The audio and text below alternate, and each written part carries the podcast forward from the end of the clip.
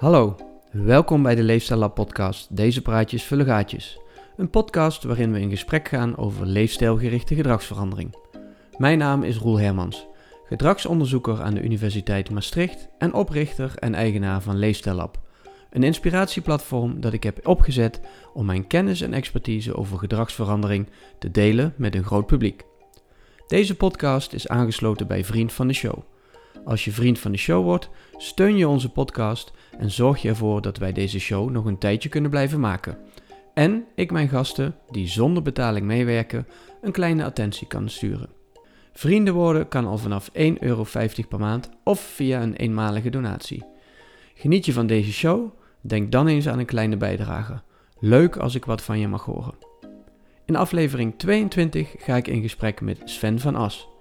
Met een propeduize van de opleiding docent lichamelijke opvoeding op zak begon Sven aan de opleiding psychologie.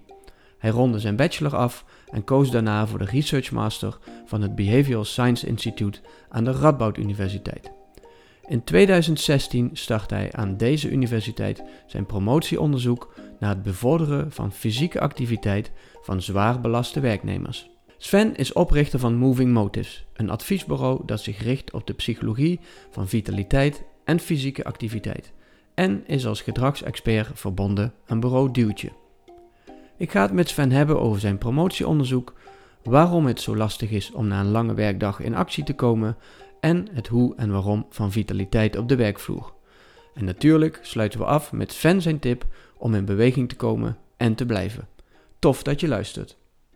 Dag Sven. Hi Roel. Uh, wat leuk dat je uh, te gast bent in, uh, in de Leefstijl Lab podcast. Super tof. Ja, leuk dat ik er mag zijn. Dankjewel. Ja, we hebben elkaar natuurlijk al een paar keer gesproken over gemeenschappelijke passie volgens mij. Hè? Gedrag, beweging, voeding, leefstijl, noem maar op. Ja, leuk dat we het daar nu ook weer verder over kunnen gaan hebben. En dat mensen mee kunnen luisteren met dit gesprek. Maar voordat we helemaal de diepte ingaan, want we hebben natuurlijk genoeg te bespreken... Kun jij jezelf even kort voorstellen aan de luisteraar? Wie ben jij? Nou, ik ben Sven van Nas. Ik ben uh, promovendus aan de Radboud Universiteit. Dus ik ben eh, aan het onderzoeken. En ik doe onderzoek naar de impact van mentaal belastend werk op deelname aan fysieke activiteit. En daarnaast heb ik mijn eigen adviesbureau waarin ik deze kennis probeer te vertalen naar de praktijk. Uh, en werk ik bij Duwtje als gedragsexpert. Kijk, mooie dingen. Zeker, zeker. Leuke dingen. Word ik heel enthousiast van. En leuk om met jou erover te kunnen gaan kletsen. Ja, en gedrag loopt dus eigenlijk ook als een rode draad door jouw werkweek. Precies. S ochtends tot s avonds is het gedrag. Dan projecteer ik mezelf even op jou. Maar dan ben je veel in je hoofd bezig. Um, behoorlijk veel. Uh, ik zoek wel bewust meer de toepassing op waarin we wat concreter de zaken maken. Dus eigenlijk om uit het hoofd te komen naar hele praktische tips en tools om mensen echt te helpen. Ja. Uh, om dus zelf wat minder in mijn hoofd bezig te zijn. Wat doe je om uh, fit en energiek te blijven naast je werk? Ja, ik zelf sport daarnaast geregeld. Um, ik doe eigenlijk vooral aan mountainbiken. En dat doe ik voor mijn werk. Dus dat vind ik voor mezelf is dat een heerlijk moment. Mijn fiets staat ook hier achter. Je ziet het nu niet, want de gordijnen zijn dicht. Maar er staat nog een fiets buiten, die moet worden afgespoeld. Uh, voor mij is sporten in de ochtend een top manier om lekker fit de dag door te gaan. Ja, mooi. En voor veel mensen natuurlijk uh, vast herkenbaar. Maar Waar zit hem dat eigenlijk in? Dat sporten zo veel benefits heeft, zeg maar, voor je mentale energie ook? Nou, er zijn eigenlijk twee typen processen die spelen. Enerzijds heb je echt de fysiologische processen, dus wat er gebeurt in je lichaam. We activeren ons lichaam, er komen neurotransmitters vrij, hormonen vrij, waardoor we ons energieker en positiever ook voelen. dus dat is het fysiologische verhaal, maar we ook het psychologische stukje. als we het hebben over bijvoorbeeld dealen met werkstress uh, komen we door te bewegen even mentaal los van ons werk. Nou, dat is cruciaal in de preventie van bijvoorbeeld burn-out. Uh, maar we voelen ons ook sterker, we voelen ons zelfverzekerder. Waardoor we bijvoorbeeld minder snel uit het veld geslagen zijn als we op werkstress tegenkomen. Nou, er zijn heel veel voorgestelde mechanismen die dus op het fysiologische en het psychologische vlak liggen. Maar eerlijk is eerlijk, over de precieze processen is het bewijs nog echt in de kinderschoenen. Dus er zijn allemaal voorstellen hoe het lijkt te werken en we bouwen dat langzaamaan op. Maar we weten het nog niet zeker wat precies de mechanismen zijn. Iets wat ik zelf ook echt herken, is dus dat je hebt een lange werkdag. En je bent druk bezig geweest, je hebt veel in je hoofd uh, gezeten. En dan, uh, nou ja, dan heb je gegeten en dan plof je op de bank. Terwijl je eigenlijk ook in die ochtend had voorgenomen om dan te gaan sporten Maar waarom is het nu voor veel mensen zo lastig of zo uitdagend om in zo'n moment van die bank af te komen en toch in actie te komen? Ondanks hè, wat je net allemaal Mhm. hebt verteld, dat we weten dat het allemaal heel positief eh, kan gaan zijn. Ja, ja, kijk, we weten inmiddels inderdaad zeker eh, de, de benefits van bewegen. En de intentie is bij heel veel mensen, dat zie je aan de goede voornemens. Ja. En we willen allemaal echt bewegen. En het voorbeeld wat je geeft is klassiek. Je komt thuis, je ploft op die bank en je blijft op die bank. Terwijl je had voorgenomen naar de fitness te gaan. Precies. Nou, om te begrijpen hoe dat kan, moeten we eigenlijk één stapje terug doen, namelijk naar hoe we überhaupt kiezen of we bepaald gedrag wel of niet gaan uitvoeren. En we leren daar steeds meer over en het lijkt erop dat wij hele snelle kosten-batenanalyses maken. Dus ons brein weegt, zonder dat we dat bewust doorhebben, af, is de opbrengst van deze activiteit het waard om te gaan uitvoeren, gegeven de inspanning die het mij kost. En dit linkt aan een, aan een wet die we binnen de psychologie eh, als waar aannemen, namelijk de wet van de minste weerstand. Als wij twee opties hebben, twee gedragsopties die hetzelfde opleveren, dan zullen we die optie kiezen die het makkelijkst is. Die het minste energie kost. die het minste energie kost. Ja, precies. En dit zie je bijvoorbeeld terug hè, als jij eh, door de stad wandelt, zie je vaak van die afsnijroutes, de zogenaamde olifantenpaadjes. Ja. Ehm, laat heel concreet zien. Als het makkelijker kan, dan doen we het makkelijker. Zit ook in onze uitspraken. Het is me de moeite niet waard. eh, het kost me te veel moeite. We maken constant afwegingen tussen die kosten en baten van acties. En we voeren alleen gedrag uit op het moment dat die baten zwaarder wegen dan die kosten, die energiekosten Mhm. ervan. Nou, dus dat is hoe in het algemeen we die beslismomenten maken specifiek voor wat jij nu omschrijft, hè, moet thuiskomen na het werk, dat is nog in de kinderschoenen. Maar waar het op lijkt, is dat de kosten, dus die energiekosten, dat die nog zwaarder wegen in die afweging. Hè, dus we hadden al de neiging om inspanning te vermijden. Dat Ja. zien we aan die paadjes. Maar het lijkt erop dat dit effect nog sterker is als we vermoeid zijn. Nogmaals, dit is in de kinderschoenen, moet nog veel onderzoek naar gedaan worden. Maar dat zou kunnen verklaren waarom we wel bijvoorbeeld die intentie kunnen hebben op een neutraal moment. En we bijvoorbeeld ook in het weekend wel kunnen doen.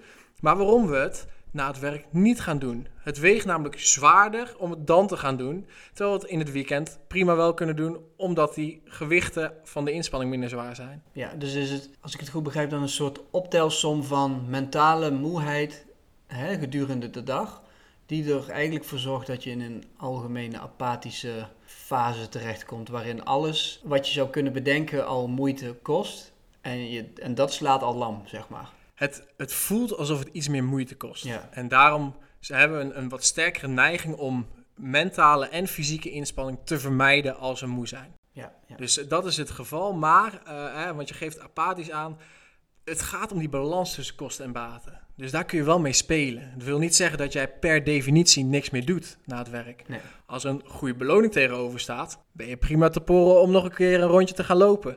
Als het rondje lopen wat minder zwaar is, het gaat echt om die balans tussen de inspanningskosten en de opbrengsten. Ja, ja. ja, en wat volgens mij eh, daar dan ook inderdaad heel erg in speelt, of althans dat gevoel heb ik, als dat zo zeggen, is dat als je dit ervaart in isolement, zeg maar, in je eigen huis waar niemand anders is, dan is dat super moeilijk hè, om hiermee om te gaan. Ja. Maar als je al een vaste tijd had afgesproken om te sporten en het allemaal als een soort van vaststaat en je hebt je daar ook eh, gedurende de dag al op voorbereid en je krijgt nog een, een appje van iemand en dat is wat je zegt, dan komt ja, die, die, die stok achter de deur, maar ook die beloning om de hoek kijken, waardoor het opeens wel lukt. Ja, Ja, precies. En wat jij nu aangeeft, hè, een stok achter de deur of een afspraak maken. Wat we daar weer mee doen, is dat we het mentaal makkelijker maken. Wat er namelijk gebeurt, is dat we niet hoeven na te denken. Ga ik deze activiteit uitvoeren? Hoe laat ga ik het doen? Met wie? Maar als we een afspraak hebben gemaakt, is dat allemaal al bepaald. Hoeven niet meer die mentale inspanning op dat moment te leveren als we moe zijn. Ja. Afspraken maken is eh, om die reden dan ook een hele goede manier om tot beweging te komen. Ook na het werk. ja, ja mooi, mooi. Maar dit is ook precies waar jij al jarenlang onderzoek naar doet. Klopt, klopt. Al ruim vijf jaar. Wat heb je geleerd eigenlijk de, de afgelopen jaren? Nou, ik denk dat eh, wat belangrijk is om hierbij te beseffen, is dat in, een, in zo'n promotieonderzoek draag je echt een klein steentje bij aan een heel, heel groot veld. Dus wat ik nu ga vertellen, dat is gebaseerd op A, wat het hele grote veld al heeft en hoe mijn bevindingen daarin passen. Mooi. En wat we eigenlijk al weten uit dat grote veld is dat eh, bijvoorbeeld fysiek presteren minder is als mensen mentaal moe zijn. Mhm. Dus hè, het echt het gedrag zelf. Ja. Er was nog relatief weinig bekend over het keuzeproces daar naartoe. Nou, mijn onderzoek is wat meer ingedoken op dat specifieke keuzeproces. En wij vinden eigenlijk tot nu toe geen bewijs dat er een impact is van mentaal belastend werk op dat keuzeproces. En daarbij is het dus belangrijk om dit onderzoek in te kaderen. Wij vinden dat bewijs op dit moment nog niet, maar het zou best kunnen zijn dat vervolgstudies met grotere of andere samples dat wel vinden. Wat we wel consistent vinden is waar ik het net over had. Die wet van de minste weerstand zien we terugkomen. Het feit dat mensen gedrag uitvoeren wat ze leuk vinden, zien we terugkomen. Mhm. Dat zijn consistente regels die we terug blijven zien komen. En we zien tot slot ook dat als mensen fysiek vermoeid zijn, dat dan dat effect wel uh, aan de gang lijkt te zijn. Dat mensen dus die kosten zwaarder wegen. Uh, maar dit was echt, echt nog een eerste studie. Deze methode is nu voor de eerste keer gebruikt. Dus wat we doen is dat we mensen honderden keuzes aanbieden die verschillen in de beloning en de inspanningskosten, waardoor we heel nauwkeurig kunnen mappen hoe dat keuzeproces eruit ziet. Nou, het is de eerste keer dat we dit hebben gedaan na een mentaal en fysiek vermoeiende taak. En het feit dat wij het nu nog niet vinden, wil niet zeggen dat het er niet is. Mhm. Maar state of the art, op dit moment kunnen we, kan ik niet zeggen dat het ook echt daadwerkelijk zo is. Uh, hoe heb je dat precies onderzocht dan, dit, dit hele traject? Nou, ik denk dat het mooi is om hierin in te duiken op de laatste studie die we hebben uitgevoerd, omdat daarin eigenlijk alle elementen mooi terugkomen. Uh, we hebben gebruik gemaakt van een taak dat heet effort-based decision making. Dus echt het kiezen van gedrag op basis van de inspanning die iets kost. Nou, dat was natuurlijk precies mijn onderzoeksvraag ook. Uh, en wat we deden was dat wij mensen honderden keuzes aanboden. Een, eigenlijk een aanbod waarin zij mochten aangeven: wil ik deze mate van fysieke inspanning leveren om een voorgeschreven beloning te ontvangen? Nou, de fysieke inspanning was hierin heel erg gereduceerd tot het minimale, namelijk knijpen in een, uh, ja, in een computerapparaat waarmee je eigenlijk, wij het konden meten, maar waarmee we ook konden zorgen dat dit was afgestemd op ieders persoonlijke kunnen dus het was echt heel bazaal meten van knijpkracht. En dus de keuzes gingen ook over de knijpkracht als percentage van je eigen maximum. Dus we hadden bijvoorbeeld inspanningsniveaus van 20% van je eigen capaciteit, 30, maar uiteindelijk liep het op tot 80. Zo manipuleerden we dus de inspanning. Anderzijds waren de beloningen. Nou, we hadden het uh, visueel gemaakt met een, een, uh, een appelboom uh, waarin appels hingen en het aantal appels varieerde. En we hebben deze deelnemers verteld, hè, die appels worden uitbetaald in geld na het experiment. Om het dus echt als echte keuze te laten lijken. En bovendien zorgde ervoor dat deelnemers alleen maar ja of nee kozen. Dus ze kregen echt een aanbod en ze zeiden ja, dit wil ik. Ik wil deze mate van inspanning leveren om deze beloning te krijgen. Uh, omdat dit ook het dichtst bij het keuzeproces is hoe dat in het dagelijks leven gaat. Ja, en wie waren dit? Waren dit studenten? Waren dit volwassenen, uh, ouderen, noem maar op? Nou, zoals vaak bij psychologieonderzoek waren het tot nu toe nog studenten inderdaad. We hebben daar de focus op gelegd om echt die eerste verkenning te gaan doen. En die studenten hebben wij onderworpen aan verschillende condities waarin we dus mentale vermoeidheid oproepen, fysieke vermoeidheid en een controleconditie. En wat interessant is om te vermelden hier is dat dat oproepen van die vermoeidheden eigenlijk ook nog hartstikke lastig bleek. Vermoeidheid is echt een complex construct. En om uh, mensen te laten rapporteren dat iemand fysiek of mentaal vermoeid is, bleek ontzettend lastig. Mensen kunnen wel rapporteren, hey, ik ben vermoeider. Maar we zagen eigenlijk weinig verschil tussen die twee condities. Uh, en dat laat wat mij betreft zien dat we in dit veld gewoon nog ontzettend veel te doen hebben. Ja, mooi. Mooi dat je het ook zo inkadert. Ja, wat ik ook wel interessant vind is dat, dat wat je beschrijft is eigenlijk een hele fundamentele aanpak om eigenlijk inzicht te krijgen in hoe het werkt. Hè? Ja. We kunnen dat fundamentele niet overslaan. Hè? We kunnen dit niet meteen in, in real life allemaal gaan testen, toch? Nee en ja. Dus het, hè, wat ik heel belangrijk vond is inderdaad dat uh, het onderzoek dat ik doe, dat het ook wel toegepaste waarde zou gaan hebben. Um, hoewel wij hier natuurlijk fysieke inspanning heel erg bazaal uh, hebben gemeten, kun je dit wel doorvertalen naar bijvoorbeeld uh, een activiteit in bijvoorbeeld een fitnessruimte. We hebben nu als percentage van je eigen knijpkracht gedaan, maar dat kan dan ook bijvoorbeeld de tilkracht zijn om te squatten. Um, zo is het wel door te vertalen, maar ik vond het ontzettend belangrijk om hierin een stap terug te nemen en eerst te kijken naar dat fundamentele beslissingsproces en of dat beïnvloed wordt door eerdere periodes van mentale en fysieke inspanning. Nee, dit, dit is inderdaad precies wat ik bedoel, is dat je eigenlijk uh, een paar puzzelstukjes hebt gelegd hè, om een, eerst een bazaal inzicht te krijgen. En dan is het natuurlijk wetenschappelijk onderzoek dat je daarna die stappen gaat maken naar steeds meer ecologisch valide, hè, steeds realistischere situaties. Ja, maar dat kun je niet meteen doen als je niet weet hoe het hele mechanisme in elkaar zit. Want dan ga je natuurlijk heel veel andere ruis toevoegen. Dus je wil eigenlijk eerst uitkleden tot het meest basale. En daarna kan je er weer dingetjes aan toe gaan voegen. Exact. We zijn tot de bodem nu gegaan. En uh, hier op deze bodem is nog heel veel werk te doen. En dan kunnen we rustig aan weer stappen gaan zetten. Dat vind ik ook het mooie van wetenschap. Hè? Dus dat je nu echt zo lang de tijd hebt gehad om je hierin te gaan verdiepen. Zeker. Maar je bent nu wel ook klaar voor de grote wereld, hè? De toepassing. Ja, kan behoorlijk uh, klein worden in de wetenschap. Heel erg specifiek. Dat is ontzettend waardevol omdat we daarmee cruciale stappen zetten. Maar ik vind het ontzettend belangrijk dat we ook de stap maken naar hoe werkt het in de praktijk? Hoe kunnen we ervoor zorgen dat deze kennis op de juiste manier bij de juiste mensen komt, zodat we echt impact maken? Ja, mooi. Dus er ligt nog één puzzelstukje voor jou en dat is je proefschrift, toch? Proefschrift, laatste stukje, allerlaatste stukje, de discussie, inderdaad. Ah, dus je bent nu uh, hard aan het schrijven? Ik ben heel hard aan het schrijven, ja. ja. ja. ja nou, en dan stippen we eigenlijk al meteen het tweede uh, gedeelte van het gesprek aan. Namelijk hè, jouw drang om iets te doen wat zin heeft en wat ook in de praktijk gebruikt wordt. En dan kom je met jouw onderwerp al heel snel op vitaliteit op de werkvloer. Hè? Ja, ja. Je, je stipt het al aan, die werk-privé-balans, mensen lekker in hun vel laten zitten uh, met aandacht voor al die uitdagingen die daarbij uh, bij komen kijken. En je bent niet de enige. Hè? Er zijn veel bedrijven tegenwoordig uh, die daarmee bezig zijn en die er aandacht voor hebben. Maar je zei het ook al, best een ingewikkeld onderwerp. Zeker waar. Zeker Want wat maakt dat dan...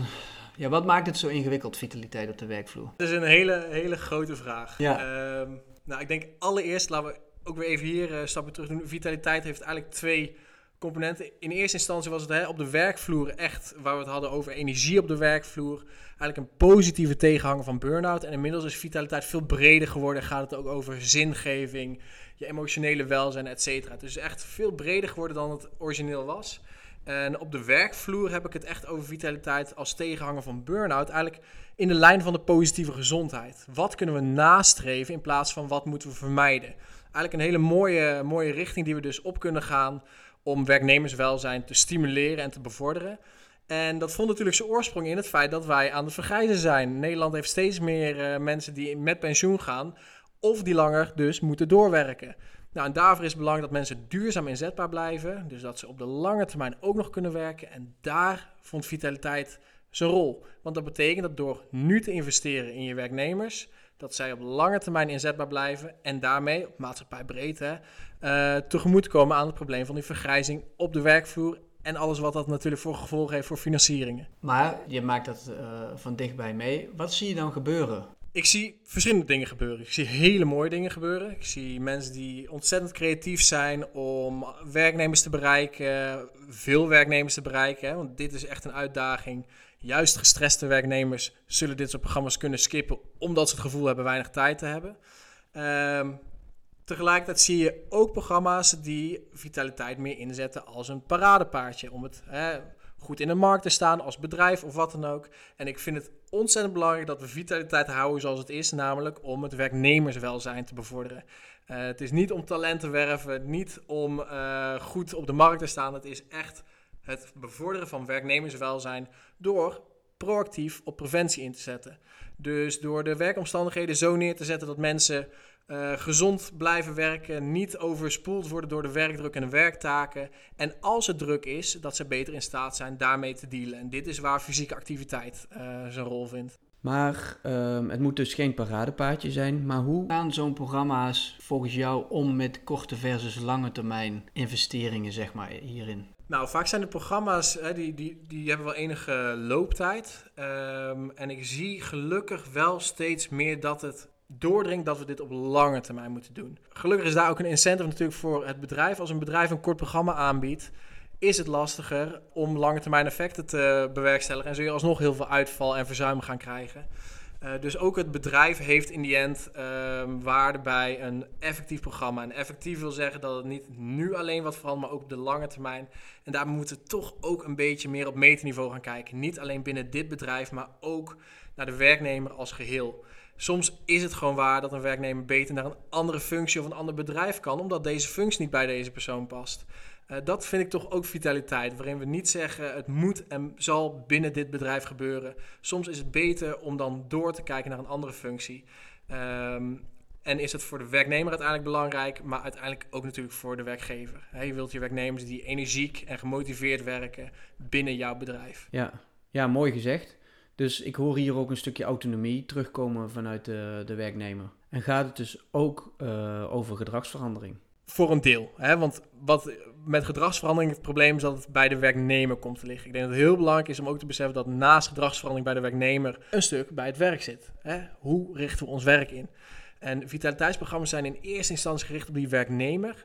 Uh, het risico daarvan is dat hoewel het goed is om gedrag te veranderen, hoewel het goed is om werknemers te helpen om om te gaan met stress, uh, moeten we niet vergeten dat ook het werk een grote impact heeft. Dus dit is echt een, een, een, een belangrijk spanningsveld uh, waar je heel voorzichtig in moet zijn als je op de werkvloer iets wilt gaan doen met vitaliteit. Ja, help je werknemers om om te gaan met stress, maar kijk ook heel kritisch hoe is ons werk ingedeeld? Kunnen we daar misschien wat aan veranderen? Zodat we eigenlijk minder van dit soort programma's nodig hebben. Precies, ja, ja, ja. Organisatiebreed moet het dan worden aangepakt. En dan zie je toch dat het belangrijk is dat de hele organisatie daarin echt meedoet. Maar dat vraagt dus wel om een hele systeemaanpak. Ja, ik denk als je als bedrijf serieus vitaliteit wil aanpakken, dan is het goed om daar uh, eigenlijk de onderste steen boven te halen. Tegelijkertijd zien we dat ook de kortdurende uh, en de kleinere vitaliteitsprogramma's kunnen wat mij betreft een soort licht in de tunnel zijn. Dus voor die werknemers die in een baan zitten, die misschien niet goed past en die misschien wat te stressvol is, kan het net helpen om bijvoorbeeld iets te leren over stressmanagement, iets te leren over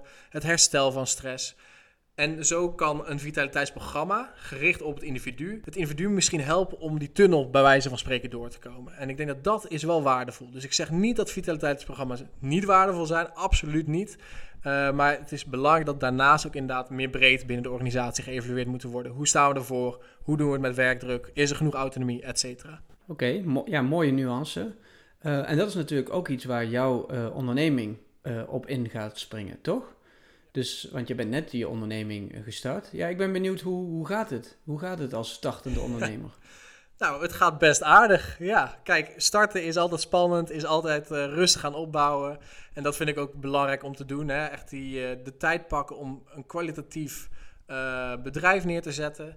En wat voor mij de kern is, is eigenlijk om die vitaliteitsprogramma's, om die nog beter te maken op basis van de recente wetenschappelijke inzichten. En een voorbeeld daarvan is uh, dat we weten dat, wat ik net ook aangaf, hè, de herstelparadox, juist gestreste werknemers nemen weinig tijd voor herstel. Terwijl herstel cruciaal is in de preventie van burn-out. Nou, door dit te weten, ga je andere programma's opzetten. Ga je bijvoorbeeld misschien meer low-key programma's aanbieden die mensen op hun eigen tijd kunnen gaan doen.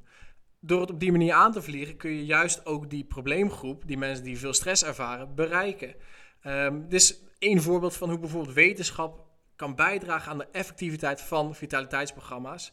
Maar er zijn voorbeelden over uh, hoe je dat kunt gaan invliegen. Ja, dus het werken vanuit de wetenschap is voor jou een heel belangrijk. Maar wat maakt uh, Moving Motives in die zin zo vernieuwend of innovatief? Dat zit in het stuk dat ik niet zelf het vitaliteitsprogramma ga geven. Mm -hmm. uh, dus ik stel me echt op als een adviseur op basis van wetenschap voor Denk aan HR-afdelingen, denk aan vitaliteitsbureaus die zeggen: Goh, wij willen um, efficiënter zijn, sterker zijn, een beter programma neerzetten. Of misschien zelfs leren van je eigen programma en de data die je eruit kunt halen. Uh, dus ik ben echt in die zin objectieve adviseur op basis van de wetenschap om vitaliteit in Nederland naar een hoger plan te tillen. Maar wat je dus eigenlijk heel zegt, je bent niet hè, die creatieve uh, persoon die die uh, activiteiten gaat bedenken die vitaliteit zouden moeten boosten. Maar je wilt de huidige programma's gewoon echt beter maken. Ja, precies. En ik denk dat daar soms wel fundamentele veranderingen nodig zijn. Om even weer, wat ik ook in de wetenschap heb gedaan, een stap terug. Kijken wat zijn we nou eigenlijk aan het doen? Mm -hmm. Wat willen we eigenlijk bereiken? En doen we daar op dit moment de juiste dingen voor? En dat kan betekenen dat het programma ook veel rigoureuzer aangepast gaat worden. Ja, mooi. Dus met, met jou huren ze eigenlijk gewoon een, een, eh, een vergrootglas en een objectieve blik. Ja, dat zou mooi kunnen zijn. Precies. Ja, ja, ja. ja. Leuk man. Een mooi onderwerp. En belangrijk onderwerp. Zeker gezien eh, de uitdagingen die, je, die je net beschreef met we worden grijzer en... en uh... Ja, en denk ook even nu vooral hè, aan de zorg en in deze coronatijd die ontzettend overloopt. dit zijn situaties waar, dit, hè, waar ik net over had, dat licht in de tunnel heel waardevol kan zijn. Er is weinig te veranderen op dit moment. Hè. Zorg loopt over. Uh, er is op dit moment niet genoeg geld uh, om daar verandering in te brengen. Niet genoeg mensen uh, om die druk bijvoorbeeld weg te nemen, minder heftig te maken.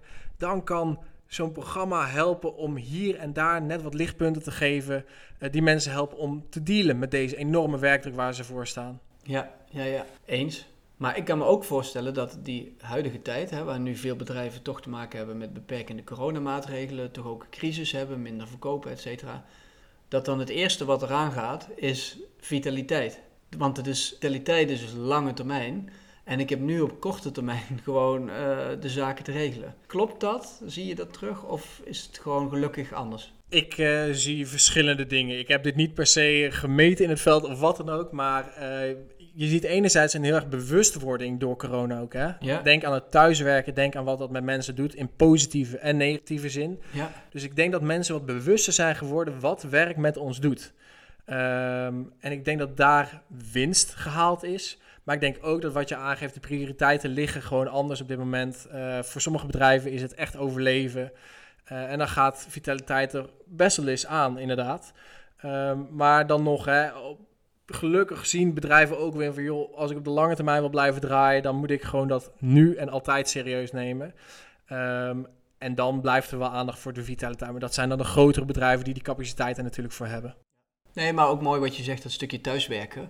Dat, inderdaad, dat heeft weer voor veel mensen uh, de bewustwording uh, gegeven. Ja. Dat het leven er ook anders uit kan zien. Ja, en... En uh, je tijd indelen zoals je zelf wil, hè, tussendoor een wasje draaien en dat het best productief kan zijn. Ja, ja, het heeft voor- en nadelen, ja. absoluut. Ja. ja, en dan eigenlijk nog, nog één ding. Hè. Je gaf aan, uh, vindt sporten zelf leuk hè, en vitaliteit linkt natuurlijk ook een klein beetje hè, aan bewegen en sporten, want dat Zeker. hoort dan bij dat programma. Maar in Nederland hebben we gewoon beweegarmoede.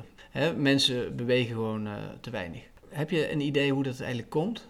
Uh, wat kunnen we daar psychologisch gezien, maar ook misschien vanuit de omgeving voor factoren herkennen? Ik denk dat er dat eerst belangrijk is een ander punt te behandelen, namelijk het feit dat uh, voldoende en onvoldoende bewegen behandelen vaak als een dichotomie, hè, als zwart of wit. Ja, aan-uit. Aan-uit. Je beweegt wel of niet voldoende. Dat komt ook een beetje door natuurlijk de richtlijnen die ons aan, uh, aanraden een bepaalde hoeveelheid te bewegen. Ja, 150 minuten per week, matig, matig intensief. Ja. Precies, en twee keer per week bot- of spierversterkende oefeningen en voor ouderen ook nog balans erbij. Ja, hartstikke goed, want het geeft richting en geeft aan van hey, hier wil je naartoe werken. Maar het eerste punt van de beweegrichtlijn is beweeg, beweeg zoveel als je kunt. En dat is eigenlijk vooral wat we zien mhm. als we kijken naar de gezondheidswinst.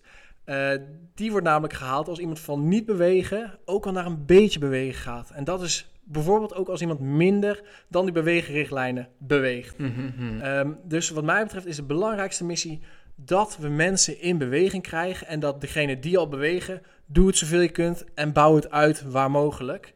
Um, en dan zie je dat er best wel veel mogelijkheden zijn. Want dat betekent dat je niet per se naar de fitness hoeft. Dat je niet per se dat high intensity program moet volgen om uh, gezondheidsuitkomsten te behalen. Dat betekent dat ook dat rondje wandelen s'avonds met de hond of wie dan ook winst is. Dat ook het lunchwandelen winst is. Bewegen, invoegen in je dagelijks leven, dat is waar winst te behalen is. En ik denk, hè, zeker in Nederland, we zitten veel. Uh, we zitten de hele dag achter onze computer voor heel veel, omdat we nou eenmaal een kenniseconomie hebben. Um, voor mij is de kern dat we bewegen meer gaan integreren in ons dagelijks bestaan. En daarbij is het gewoon praktischer om te denken vanuit de wat meer low-key beweegvormen. Dus wat ik net aangaf, het rondje wandelen, et cetera. Ja, dus wat je eigenlijk zegt is dat als ik beweegarmoede uh, uh, terugbreng tot die voldoet wel en die niet, dan, dan geef ik niet het hele uh, scala weer aan wat mogelijk is. Precies, precies. Het is rijker dan alleen dat zwart-wit inderdaad. Ja. ja. Ja, en heel mooi wat je zegt, laagdrempelig. Low-key beweging zoeken. Every move counts. Every move counts. En eh, kijk, nogmaals, kun je meer, kun je langer, kun je intensiever? Super, doen. Maar lukt dat een keertje niet? No worries. Je hebt bewogen en zorg er dus voor in de bewegingen die jij doet dat je die flexibiliteit inbouwt. Denk aan het inkorten van je hardlooprondje, het een keer wat minder zwaar trainen. En dit, hè, dat maakt het circus eigenlijk mooi rond. Zo kom ik terug bij mijn onderzoek. Maak het makkelijker. Mhm, Uh, en zorg ervoor dat je ruimte hebt om het makkelijker te maken, zodat je het ook kunt blijven doen op het moment dat je bijvoorbeeld vermoeid bent van je werk. Precies, precies. Ja, en dit is uh, ook iets wat, het, uh, wat heel erg terugkwam in de aflevering met uh, Mai Chena Pau en met Johnny Buivenga van de Beweegreden. We, we, hebben ook een bepaald beeld hè, van beweging ja. en sport. Dat is vaak sport. Ja. Van je moet naar de gym en je moet hardlopen. Maar jij bent wederom iemand die zegt, ja, weet je, het gaat om bewegen en doe wat mogelijk is binnen jouw dag. En dan, Ja. dan ben je echt al heel goed bezig. En alles wat je extra doet, Dat is super, dat is super. En ik denk dat daar hè, is veel winst te behalen door eens rustig te kijken naar hey, welke bewegingen doe ik. Haal ik er plezier uit? Levert het mij op waarvoor ik het ook doe? Eh, en door daar kritisch naar te gaan kijken, kun je eigenlijk veel proactiever eh, de bewegingsvormen gaan kiezen die jij gaat blijven volhouden. En dan hebben we het eigenlijk simpel weer over het kosten-batenverhaal. Uh, namelijk kijken hoe maak ik het makkelijker en ook vooral wat levert het op in termen van intrinsiek en extrinsiek. Extrinsiek, als jij uh, heel gespierd wil zijn, moet je een andere sport gaan doen dan wanneer je hard wil kunnen rennen. Mhm, Uh, maar nogmaals, de kernvraag is wat vind je leuk en wat wil je doen en waar haal je plezier uit. Uh, want dan zul je echt blijven gaan. Maar dat wil niet zeggen dat in, zeker in de eerste fase is dat het waardevol kan zijn om ook te bedenken waarvoor je het doet. Ja, ja, top. Ja. Hey Sven, jij hebt een enorme berg aan kennis opgedaan. En nou, je kan er heel bevlogen over vertellen. En je bent nu je proefschrift af het ronden. Je bent klaar zeg maar, om de wereld te gaan veroveren, in ieder geval qua onderneming. Ja, wat is jouw droom of wens op dit gebied? Goeie vraag. Ja, en die had ik je nog niet gestuurd. Dus nee, je hebt, nee, nee. je hebt er niet op kunnen voorbereiden. ja. Dus out of the blue. Wat mijn droom is? Ik denk dat voor mij de droom is om mensen met bewegen gezond en gelukkig te maken. Dat is maar de kern. En ik vind het heel mooi om daar aan de wetenschap toe te passen. Hè, door wetenschappelijke inzichten te gebruiken. Daarmee in dit geval bijvoorbeeld vitaliteitsprogramma's, maar ook beweegprogramma's. Zo in te richten dat mensen plezier beleven aan bewegen. Het vaak doen en ook blijven doen. Uh, maar de kern voor mij is mensen gezond en gelukkig maken met bewegen. Ja, mooi, mooie, uh, mooie droom, mooie wens. En, uh, we gaan er komen, we gaan en, er komen. En hard nodig, ja. Um, ja, en ter afsluiting, uh, je hebt al heel veel dingen gezegd die ook al meteen vertaalbaar zijn. Ter afsluiting van de podcast vraag ik uh, mijn gasten ook altijd van uh, ja, wat ze mensen zouden adviseren om hun voornemens om te zetten in concreet gedrag als het gaat om leefstijl. En in dit geval dan bewegen. Ja. Nou, dan kom ik weer terug op het kosten-baten verhaal. Uh, ga eerst eens kijken naar hè, wat bewegen oplevert. Kijk allereerst, wat vind ik leuk? Welke elementen van bewegen vind ik leuk? Wat vond ik vroeger leuk? Sommige mensen zijn vergeten wat ze leuk vonden.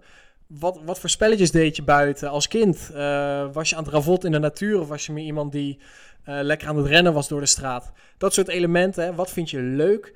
is wat mij betreft een eerste vraag die je zelf kunt stellen en waarop je je beweegprogramma eventueel kunt aanpassen. Vraag 2 is dan, wat wil ik dat het oplevert? Uh, is het uh, hard kunnen lopen? Is het fit zijn? Of is het gewoon gezond zijn? Of misschien wel spierkracht opbouwen? Uh, hè, dus dat zijn aan de kant van de opbrengsten, intrinsiek en meer extrinsiek. En aan de kant van de kosten, kijk daar hoe je mentaal en fysieke inspanningskosten kunt verlagen. Dus maak het jezelf makkelijk fysiek. Zorg ervoor dat je een alternatief rondje hebt, hè, dat je je rondje kunt inkorten. Zorg ervoor dat je, en dit is een belangrijke, zeker in Nederland, niet te streng bent. Een half uurtje is ook goed. Een kwartiertje is ook winst. Ik heb veel liever dat je gaat, dan dat je zegt, ik moet een uur en als ik dat niet red, dan laat maar. Dat hoor ik heel vaak om me heen. Dus maak het makkelijker voor jezelf op het fysieke vlak en op het mentale vlak. En het mentale vlak hebben we natuurlijk over allerlei gedragsstrategieën die je kunt doen. De implementatie-intenties, het koppelen van het gedrag aan een bepaald moment, routines bouwen, et cetera. Uh, wat ik vaak zelf doe, is het bouwen van een meal prep, mijn sportkleding de dag tevoren alvast klaarleggen. En maak het makkelijk. En zo kun je eigenlijk proactief spelen met die kosten en baten, waardoor jij de kans vergroot dat jij actief bent en blijft, ook als het even tegen zit. top. Ja, en dan heb ik er nog één. ehm, en die, daar opende ik ook eh, mee. Van, hè, ik zit op de bank, hele dag hard gewerkt. Ik ben alleen. En dan gaat mijn hoofd aan van ja, maar ik kan ook morgen gaan en het regent en het en dat. Hè? Hoe ga ik met deze situatie om? Om toch te gaan? Lief zijn voor jezelf en het laag insteken. Dus je hoeft niet naar de fitness te gaan. Ga dan even een rondje wandelen. Regent het? Kijk misschien de volgende keer even vast vooruit dat jij de paraplu klaarzet. Dit soort dingen. Zo kun je jezelf toch van die bank krijgen. Maak het klein en maak het behapbaar. Ja, dus die eerste actie inzetten zodat je uit je hoofd komt. Precies. Ja, top. Hey Sven, ik wil je enorm bedanken voor, eh, voor dit leuke gesprek. Heel graag gedaan. Ik ga je eh, in de gaten houden. Je bent hard nodig in Nederland. Dus eh, ehm, ja, Nou, super. Heel erg bedankt, Roel, dat ik er eh, mocht zijn.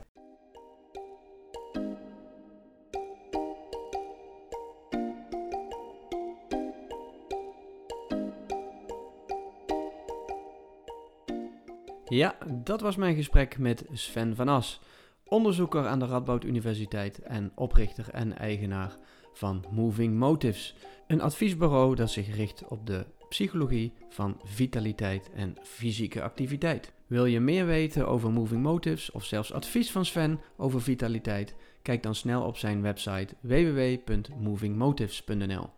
In deze aflevering hebben we het ook gehad over zijn promotieonderzoek aan de Radboud Universiteit naar het bevorderen van fysieke activiteit van zwaar belaste werknemers. En Sven heeft verschillende tips gedeeld over hoe je in beweging kunt komen of kunt blijven. Nou, ik heb genoten van dit gesprek. Heb jij dat nu ook gedaan? Dan zou ik het leuk vinden als je een berichtje achterlaat op Vriend van de Show. En helemaal tof als je een kleine bijdrage zou willen doen, zodat wij deze show kunnen blijven maken. Mijn volgende gesprek staat ook alweer gepland en dan ga ik in gesprek met professor Roy Otte, hoogleraar aan de Radboud Universiteit en onderzoeker op het gebied van middelengebruik. Met hem ga ik het hebben over alcohol drinken. Leuk, lekker, maar niet per se goed voor de gezondheid. En wat kunnen we nu doen om mensen minder te laten drinken? Nou, ik hoop dat je dan ook weer luistert en eh, ik zie je de volgende keer. Hey hoi!